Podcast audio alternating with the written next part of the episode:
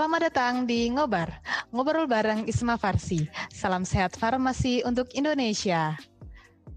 Halo guys, welcome di Isma Farsi Indonesia Podcast. Pada segmen kali ini, kita akan kedatangan dua tamu spesial nih teman-teman. Dan tamu spesial kita yang pertama, dia adalah ketua dari podcast ini yaitu Sekretaris Jenderal Isma Farsi. Mari kita sambut tamu spesial kita yaitu Damas Alvino Fajri. Halo Kak Damas. Halo, halo, halo Aina, halo semuanya. Wih, sekarang Isma Farsi udah ada podcastnya nih ya. Iya kak, gimana kak kabarnya? Alhamdulillah dong, kita selalu sehat. gimana Aina kabarnya? Iya, Alhamdulillah baik. Alhamdulillah. Nih, uh, ya dan uh, tamu kita yang kedua itu adalah salah satu dari PPH Isma Farsi bagian internal, yaitu Kak Seli Geliana. Halo Kak Seli. Halo Aina, halo semuanya. Halo Kak, gimana kabarnya Kak di sana? Alhamdulillah baik, insya Allah selalu sehat. E, kalian semua juga sehat-sehat ya. Masih stay home ya Kak? Iya, masih di rumah aja nih, udah bosen, udah bete padahal pengen jalan-jalan. Oke, kita semua di sini juga pengen jalan-jalan Kak. Ya udah langsung aja ya. Nah, pada segmen kedua kali ini kita bakal bahas kembali Kumarin, kupas tuntas program kerja Isma Farsi Nasional. Penasaran kan apa sih tugas-tugas dan kerjaan yang dilakuin sebagai sekjen dan uh, eh, BPH internal Isma Farsi Indonesia? Mungkin habis ini teman-teman bisa nih ikutin jejak-jejak kakak-kakak yang kece badai di sini. Langsung saja ya kak. Nah untuk yang pertama kali, uh, aku mau nanya ke Kak Damas nih. Oke. Halo Kak Damas. Halo Aina, mau nanya apa nih? Silahkan. Ya. uh, pertama kali, uh, yang pertama nih Kak, uh, bisa kenalan dulu dong Kak. Asal, jurusan, semester, dan Kakak ini dari universitas mana sih? Oh, oke okay deh. Makasih Aina.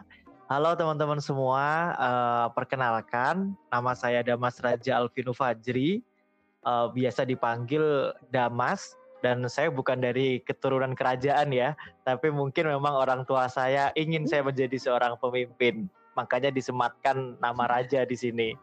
Nah, uh, saya lahir di Rembang, uh, Jawa Tengah pada tanggal 16 Juni pada tahun 2000. Kiranya kurang lebih ya 20 tahun. Alhamdulillah saya merasakan dinamika kehidupan. Ada kalanya naik, ada kalanya juga turun. Nah untuk uh, saat ini, alhamdulillah saya berkesempatan untuk uh, menerima beasiswa prestasi daerah untuk program sarjana farmasi di UIN Malang. Jadi sekarang saya ada di program studi farmasi UIN Malang untuk di semester 6. Itu mungkin Aina. Sekarang saya ada di Malang nih. Oh gitu kak. Uh, makasih ya kak perkenalannya dan uh, langsung aja ya kak kita menjurus ke sekretaris jenderal. Jadi uh, sekretaris jenderal itu apa sih kak? Dan uh, motivasi hmm. besar kakak sehingga terpilih menjadi sekretaris jenderal di pengur kepengurusan ini tuh apa sih kak? Oh oke okay, oke okay. langsung on point ya. Oke, okay, jadi ya, langsung. Oke okay deh. Jadi alhamdulillah memang uh, Aina dan kawan-kawan semua sejak tanggal 8 Oktober tahun 2020 yang lalu atas izin Tuhan Yang Maha Esa saya diamanahkan oleh Forum Musyawarah Nasional ke-18 ketika itu sebagai Sekretaris Jenderal untuk periode 2020-2022. Jadi Sekretaris Jenderal ini adalah pimpinan tertinggi ketika ada di organisasi Isma Farsi. Yang kemudian Sekretaris Jenderal ini termasuk ke dalam BPH Nasional atau Badan Pengurus Harian Nasional yang di mana selain ada sekjen eh, di BPH nasional juga ada staf ahli nasional yang salah satunya ada Teh Seli nih kalau dari Sunda ya. Kemudian nanti ada juga koordinator wilayah yang membantu daripada berkoordinasi di tingkat uh, daerah ataupun wilayah. Nah kemudian kalau bicara mengapa uh, saya akhirnya terjun di Isma Farsi, um, saya rasa tak jauh juga saya uh, untuk terjun di Isma Farsi ini karena keberhasilan daripada sistem kaderisasi di periode 2018-2020 yaitu ketika kabinet Hmm. Isma Farsi Sejahtera. Dulu itu saya masih ingat sekali kolaborasi antara Kak Ari selaku SA Prof Dev dengan Bang Zikri. Nah, mungkin eh, kolaborasi yang mantap itu menghasilkan kader-kader yang eh, saat ini ada di kepengurusan Isma Farsi. Kemudian eh, dengan segala macam kegiatan dan juga proses kaderisasi yang ada, seketika mengambil alih ketika itu perhatian saya untuk menumbuhkan ya bisa dibilang benih-benih cinta ketika itu di organisasi ini. Saya ikuti kegiatan demi kegiatan, kemudian tidak lebih saya hanya ingin untuk tahu lebih dalam tentang Isma Farsi dulunya. Setelahnya panggilan untuk mengabdi itu tiba-tiba lahir. Untuk menjadi seorang sekjen dulunya saya tidak berharap atau tidak bermimpi. Tapi menurut saya untuk menjadi seorang sekjen itu mungkin suatu pengabdian. Karena rasanya memang uh, berat ya untuk uh, menjadi seorang sekjen ataupun pimpinan ketika tidak diiringi dengan uh, keikhlasan, kemudian ketulusan niat dan juga kerelaan berkorban. Nah, mungkin uh, itu uh, terkait kenapa sih bisa jadi sekjen ketika itu tidak ada spesifik tujuan. Tapi uh, ketika di musyawarah nasional saya sampaikan apa yang menjadi pandangan saya terhadap Isma Farsi. Dan alhamdulillah membersamai ketika itu 99 lem. Kita siap untuk uh, berkomitmen bersama. Kita melanjutkan kisah manis Isma Farsi yang di mana Isma Farsi ini sudah 65 tahun kiranya berdiri memberikan kontribusi dan menjadi tempat bagi mahasiswa farmasi berproses. Itu mungkin alasannya Aina. Oh, Iya. wah betul banget ya kan alasannya kak. Eh, langsung Iya. aja ya pertanyaan selanjutnya. Eh, jadi pertanyaan selanjutnya itu apa sih kerjanya sekjen kak? Dan kesibukannya itu menjadi sekjen Isma Farsi itu apa? Wah, pekerjaan sekjen apa ya? nah, jadi kalau mungkin secara umum ya, kawan-kawan untuk uh, sekretaris jenderal itu sendiri uh, sebagai pimpinan tertinggi dalam organisasi, uh, dia berkewajiban untuk menjaga nama baik organisasi, kemudian melakukan manajemen organisasi dan lain halnya. Tentunya di sini kami pengurus uh, ingin ikut serta memfasilitasi kawan-kawan mahasiswa farmasi untuk dapat bergerak untuk dapat berproses, untuk dapat uh, berhimpun dan mengeluarkan ide-idenya untuk dunia farmasi. Nah kalau pekerjaan spesifik, uh, mungkin sekjen tuh nggak ada kerjaannya mungkin ya, lebih ke internal nih kayaknya yang Iya. banyak kerjaan. Jadi mungkin kalau uh, sekjen sendiri, alhamdulillah dibantu oleh uh, staf ahli nasional yang dibentuk dan dilantik juga oleh sekjen. Jadi kalau di Isma Farsi itu kita ada berbagai apa ya kita bisa bilang bidang atau sektor mungkin ya ada mulai dari pengabdian masyarakat, ada mulai dari uh, keilmiahan research and development, ada juga mungkin terkait banyak hal lah student exchange dan lainnya. Tentu sebagai pemimpin uh, adalah berani untuk mengambil sikap, uh, berani untuk uh, melakukan uh, apa namanya implementasi daripada apa yang menjadi tujuan kita di awal dan tentunya mungkin sekjen berat ada di tanggung jawab sih karena apa pun yang dilakukan oleh BPH nasional Mhm. baik itu SA ataupun Korwil tentu yang bertanggung jawab adalah sekjen sebagai pimpinan tertingginya itu mungkin kalau pekerjaannya Aina Oh oke. iya Terus eh, di eh, sekarang itu kabinet Isma Farsi namanya na- eh, namanya itu kabinet Isma Farsi Berjaya ya kak? iya betul betul Ya jadi filosofinya itu apa sih kak? Kenapa kakak menamai kabinet ini Isma Farsi Berjaya? Oh oke, jadi kalau melihat Isma Farsi itu seketika saya melihat potensi sebenarnya. Jadi Isma Farsi itu bisa dikatakan juga sebagai jembatan bagi kita untuk uh, meraih sebuah kejayaan. Kiranya kejayaan untuk profesi, kejayaan untuk mahasiswa, uh, kemudian kejayaan untuk kita semua. Mungkin secara historis pengalaman manis ataupun pengalaman pahit yang menjadikan pembelajaran kiranya sudah cukup untuk tergambarkan dalam 65 tahun Isma Farsi itu berdiri. Kita turut serta menjadi kendaraan bagi mahasiswa farmasi untuk mengadvokasikan kebijakan publik menjadi antitesa terhadap kebijakan-kebijakan pemerintah dan kemudian secara horizontal memberikan kebermanfaatan bagi masyarakat memberikan kesempatan bagi mahasiswa-mahasiswi farmasi untuk berproses baik itu di tingkat lem, wilayah, nasional ataupun internasional. Kita orientasikan bahwa organisasi ini milik bersama, uh, milik mahasiswa farmasi yang ada di Indonesia. Nah, ketika itu saya berpikir bahwa dengan adanya kekuatan bersama ini, sebenarnya Isma Farsi itu berhak kok untuk meraih kejayaannya uh, kemudian profesi farmasi itu berhak Wah. kok untuk uh, meraih uh, kejayaannya itu dan mungkin terakhir nih uh, saya sematkan juga tuh ada slogan di kabinet kami yaitu Yatna Sahitya Sangkara yang itu merupakan bahasa Sangsekerta teman-teman yang artinya kemauan untuk berkumpul meraih kejayaan. Jadi memang uh, saya beri nama kabinet berjaya karena saya ingin memberikan uh, apa ya ibaratnya energi optimisme lah bahwa kita sebenarnya berhak kok untuk meraih kejayaan itu. Itu mungkin Aina. Wah, bagus banget ya Kak ini filosofinya pasti. iya. Iya, banyak historis-historis di dalamnya. Uh, langsung yang Kak yang lalu pertanyaan selanjutnya uh, ini ada PPH kan yang membantu kakak Betul. dan uh, berapa sih kak? Uh, di kepengurusan ini kakak uh, kepengurusan ini ada berapa BPH ya kak? Bisa sebutin dong tak kak satu-satu. Oke deh. Jadi kalau BPH nasional itu kita ada berapa ya? 13 staf ahli nasional ditambah 8 koordinator wilayah dan satu sekjen. Nah, kalau koordinator wilayah itu uh, di Isma Farsi ada 8 wilayah memang untuk mempermudah kita dalam berkoordinasi, untuk mempermudah kita dalam menyerap adanya aspirasi-aspirasi lem, mulai dari di Sumatera Satu itu ada namanya Tasya Ardana, uh, koordinator wilayah di Sumatera Satu, seorang perempuan yang sangat lantang, meskipun mungkin badannya agak mungil ya, dari UMN Albasiyah. Kemudian di Sumatera II itu seperti daerah Padang, daerah Palembang, Riau, Jambi itu dipimpin oleh koordinator wilayah yang bernama Mira Kesuma dari Stifam Padang. Kemudian untuk wilayah Kalimantan itu ada Naufal. Nah, uh, Naufal ini adalah seorang pria yang di mana pria itu sangat minoritas ya kalau di kabinet uh, Ismail Farsi Berjaya ini. Terus kemudian ada Syahrul. Syahrul itu dari wilayah Indonesia Timur, mencakup Papua, kemudian Makassar, Manado, dan lain halnya.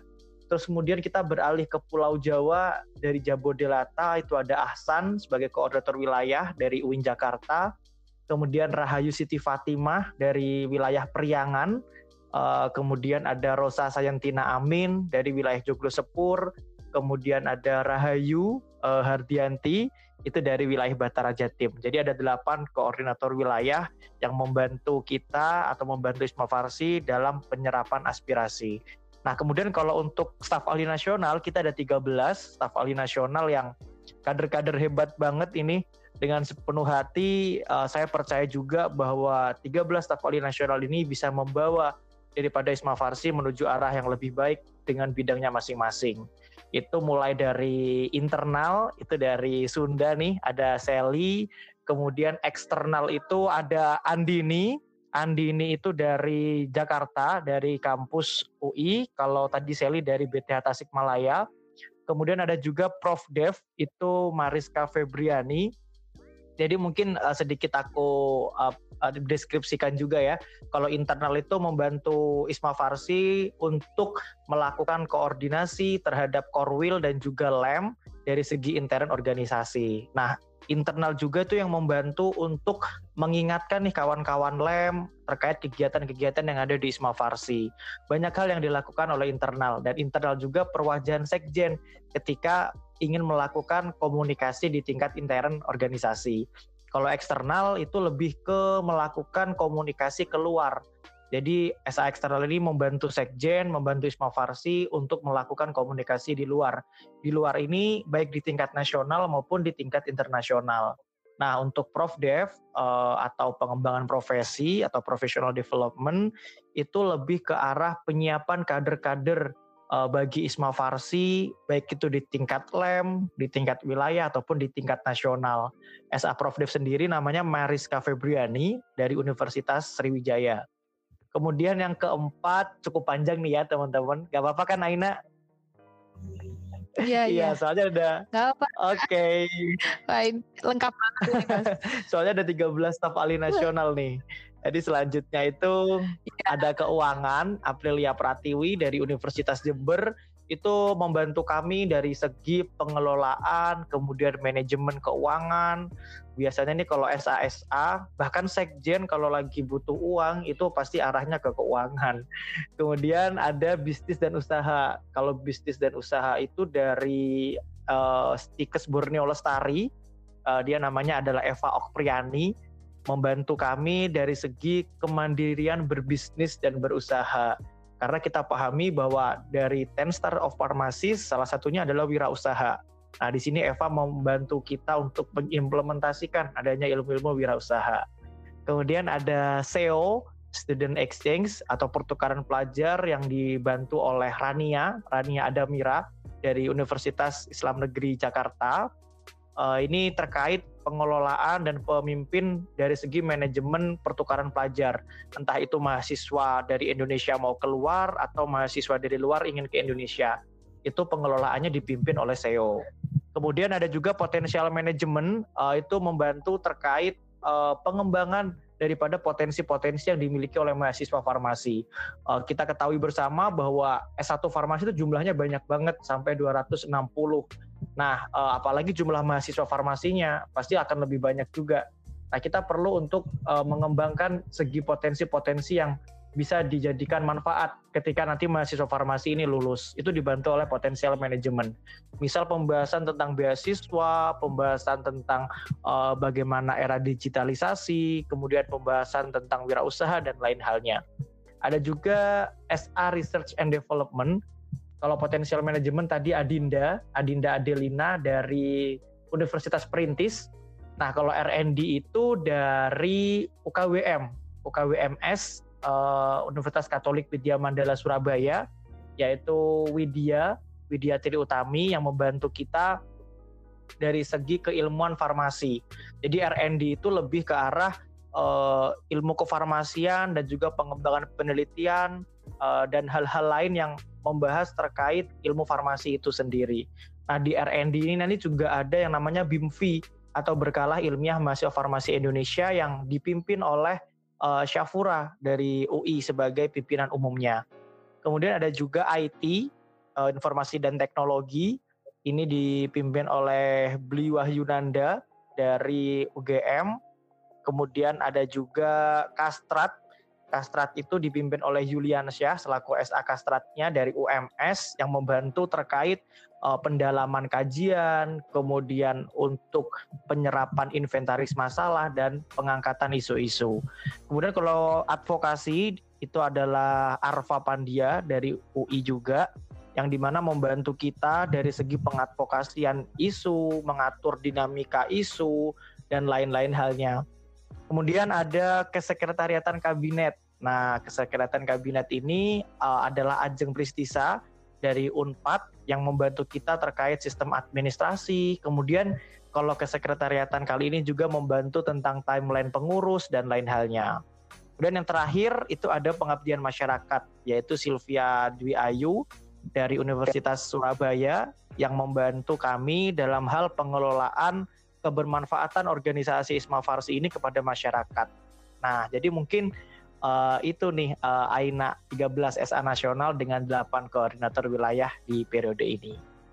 Wah, bagus dan lengkap banget ya penjelasannya dan informasi yang udah dipaparin sama Kak Adamas ini. Gimana nih teman-teman udah punya gambaran kan?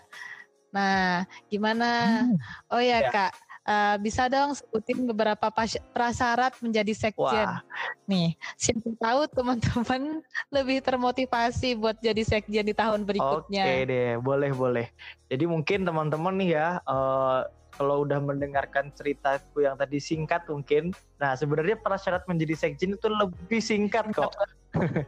Jadi untuk menjadi sekjen itu uh, secara konstitusional juga sudah diatur. Persyaratnya adalah yang pertama mengikuti latihan kepemimpinan tingkat akhir atau LK3 itu di tingkat nasional. Nah, biasanya kan teman-teman ada nih LK1 di tingkat uh, kampusnya masing-masing terus kemudian nanti naik ke tingkat dua atau di wilayah. Nah terakhir teman-teman harus ikut di tingkat tiga atau di tingkat nasional. Kemudian teman-teman harus ikut juga dua kali event nasional. Uh, jadi kalau di Isma Farsi itu ada empat event nasionalnya, ada Rakernas, ada PIMVI, ada Pramunas dan ada Munas. Nah minimal teman-teman ikut dua dari event nasional tersebut. Kemudian uh, untuk para syarat yang lain, misal menjaga nama baik organisasi, memahami ADART, dan biasanya ada syarat-syarat lain yang dibuat oleh uh, Badan Pengawas dan juga BPSBPI atau Panitia Khusus Pemilihan Sekjen. Misalkan dulu itu ada pembuatan isai, uh, kemudian uh, motivation letter, kemudian ada grand design dan hal-hal lainnya. Tapi yang terpenting itu tadi persyaratnya ada ikut LK3, dua kali event nasional dan memahami tentang ADART Isnovarsi itu sendiri. Yuk, yang mau daftar sekjen disilahkan banget ya. Itu mungkin Aina. Oke, siapa nih yang mau da daftar sekjen di tahun berikutnya? Oke, langsung ya kak. Okay. Uh, eh, setelah ini beralih ke Kak Seli. Halo Kak Seli. Halo Aina, seru banget nih dengerin kalian ngobrol. Iya, jadi langsung aja ya Kak Seli, uh, perkenalan dulu dong Kak, asal, jurusan, semester, dan kakak nih dari universitas mana? Oke, um, karena aku dari Sunda, aku mau pembukaannya pakai bahasa Sunda boleh ya? Ya, boleh kerap Kak. Uh, halo Sampurasun, Baraya Sadena. Selamat malam teman-teman semuanya. Perkenalkan, uh, aku Seli dari Malaya, wilayah Priangan. Aku asli Sunda. Uh, kalau misalkan kuliah, udah pasti jurusan farmasi. Terus sekarang ada di semester 6. Uh, buat data yang lainnya, mungkin aku lahir di tahun 2001 uh, di Garut tapi sekarang domisili aku di Tasik itu aja mungkin uh, oh ya sama satu lagi uh, sekarang aku diamanahi sebagai staf ahli internalnya dari periode Isma Farsi Berjaya Oke, bagus banget kak. Uh, langsung ya. Jadi uh, sekarang ini kakak menjabat sebagai staf ahli internal ya kak. Uh, bisa jelasin dong kak, apa sih staf ahli internal itu? Karena tadi juga udah sempat dikit sama Pak Jen, mungkin kalau misalkan terkait internal, lebih spesifiknya itu kalau misalkan internal itu adalah uh, salah satu stabilitator di Isnovasi juga, karena kan uh, internal itu adalah staf yang memegang uh, kendali terkait komunikasi dan koordinasi pada anggota maupun pengurus gitu. Jadi lumayan banyak juga sih dan agak hektik juga kalau menurutku. Terus uh, apalagi tadi pertanyaannya Aina? Tugas-tugasnya oh. tuh apa aja kak? Oh. Kerjanya?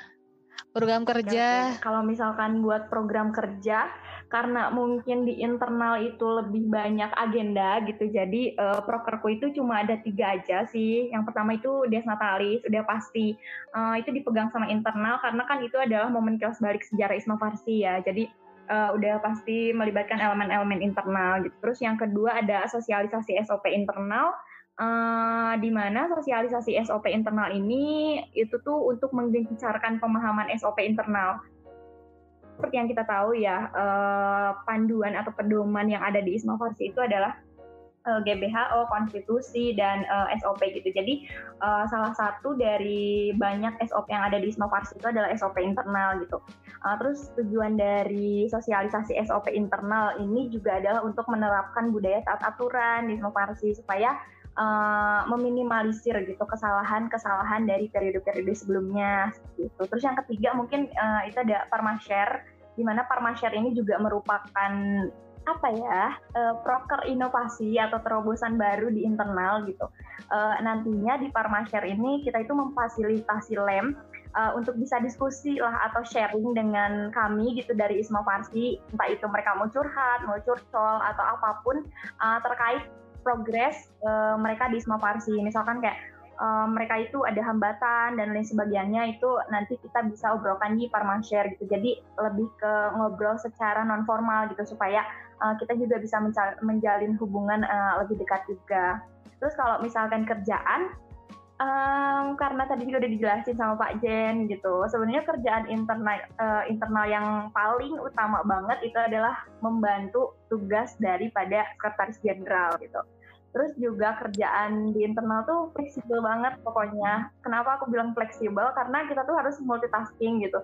Um, kita sewaktu-waktu bisa jadi ke sekre, kita sewaktu-waktu bisa jadi kaderisasi juga, kita sewaktu-waktu bisa jadi uh, apa ya? Pokoknya harus multitasking lah kalau misalkan di internal karena memang uh, kompleks banget kerjaannya gitu. Tapi kalau misalkan lebih spesifik, uh, kita itu di internal kerjanya kayak komunikasi sama lem-lem, terus sama pengurus. Jadi kalau di internal itu lebih banyak ngobrol sih. Makanya kenapa uh, teman-teman di internal itu kayak punya sebutan lah gitu tukang menghidupkan suasana gitu tukang ngegibah ngobrol dan lain sebagainya karena memang uh, dari kami itu lebih banyak ngomong gitu lebih banyak ngobrol dan berkomunikasi gitu sama teman-teman terus juga mungkin yang lebih spesifik itu kalau misalkan ada persidangan karena kan kita tahu ya kalau misalkan sebagian besar event di Isma Farsi itu adalah persidangan. Nah kalau misalkan ada persidangan, apalagi sidang di yeah. event nasional, itu uh, teman-teman internal itu jadi SC-nya, apalagi di bagian persidangan gitu. Jadi kita jadi perwakilan dari Isma Farsi.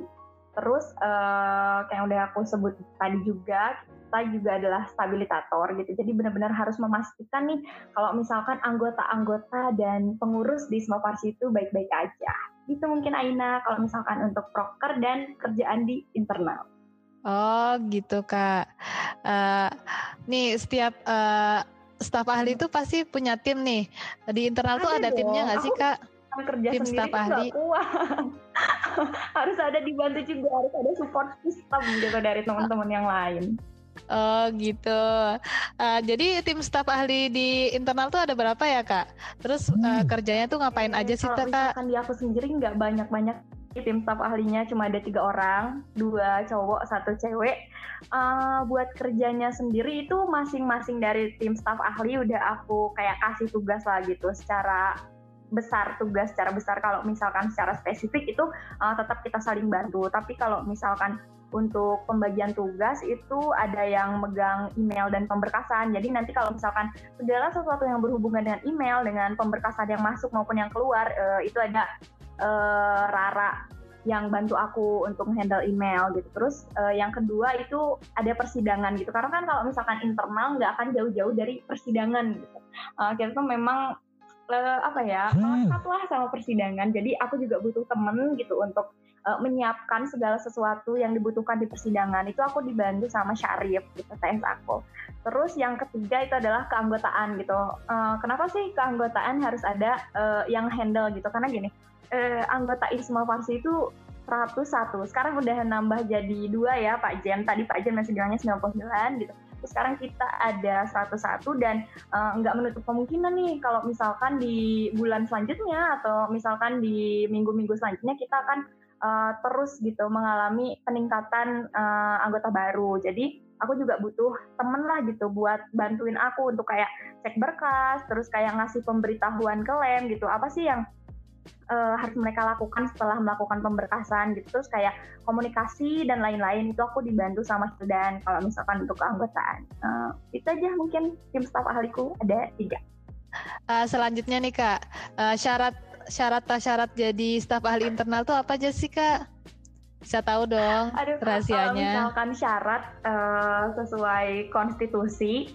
uh, itu kayak sama sih kayak Pak Jen tadi gitu. Ada beberapa syarat yang memang sudah uh, mutlak gitu harus di harus ada atau memang harus dilakukan oleh calon staf ahli internal atau staf ahli lain ya memang sama gitu persyaratannya. Uh, kalau pas di aku sendiri itu uh, ada pemberkasan kayak harus melampirkan minimal ya minimal ser, uh, satu sertifikat event nasional Uh, terus juga harus paham ADART dan lain-lain sebagiannya. Terus ada kayak sertifikat LK2, sertifikat LK3, pokoknya uh, perangkat pendukung lain. Cuma kalau misalkan yang paling utama uh, di konstitusi itu kayak memang harus uh, minimal mengikuti satu event nasional gitu. Jadi buat teman-teman nih mumpung di periode Isma Farsi Berjaya baru satu event nasionalnya gitu rakernas aja, jadi masih ada tiga event gitu kalian uh, bisa nih yang calon-calon kader yang mau nerusin kita di BPH nasional wilayah itu bisa langsung aja kalian ikutin event-eventnya Isma Farsi gitu karena kan uh, selain uh, effortnya buat diri kita sendiri ikut event Isma Farsi itu uh, effortnya juga ada buat buat lem teman-teman gitu. Oke, ah, lengkap banget ya ini tentang mengenai staf ahli internal. Wah, seru sekali ya pembicaraan hari ini teman-teman. Semoga setelah teman-teman mendengarkan sesi kemarin ini, teman-teman udah punya gambaran dan pastinya makin termotivasi dong untuk aktif di organisasi khususnya bagi mahasiswa farmasi di Isma Farsi. Nah, untuk pembahasan tentang BPH lainnya, nantikan kami di sesi kemarin selanjutnya ya. Jangan lupa follow podcast ini agar kamu ketinggalan hmm. kabar dan info-info menarik dari kita. Jika kalian punya pertanyaan, bisa chat langsung di akun media sosial kami. Dan stay tune, stay safe, and be healthy. Don't miss ngobar, ngobrol bareng Isma Farsi di sesi selanjutnya. Bye-bye.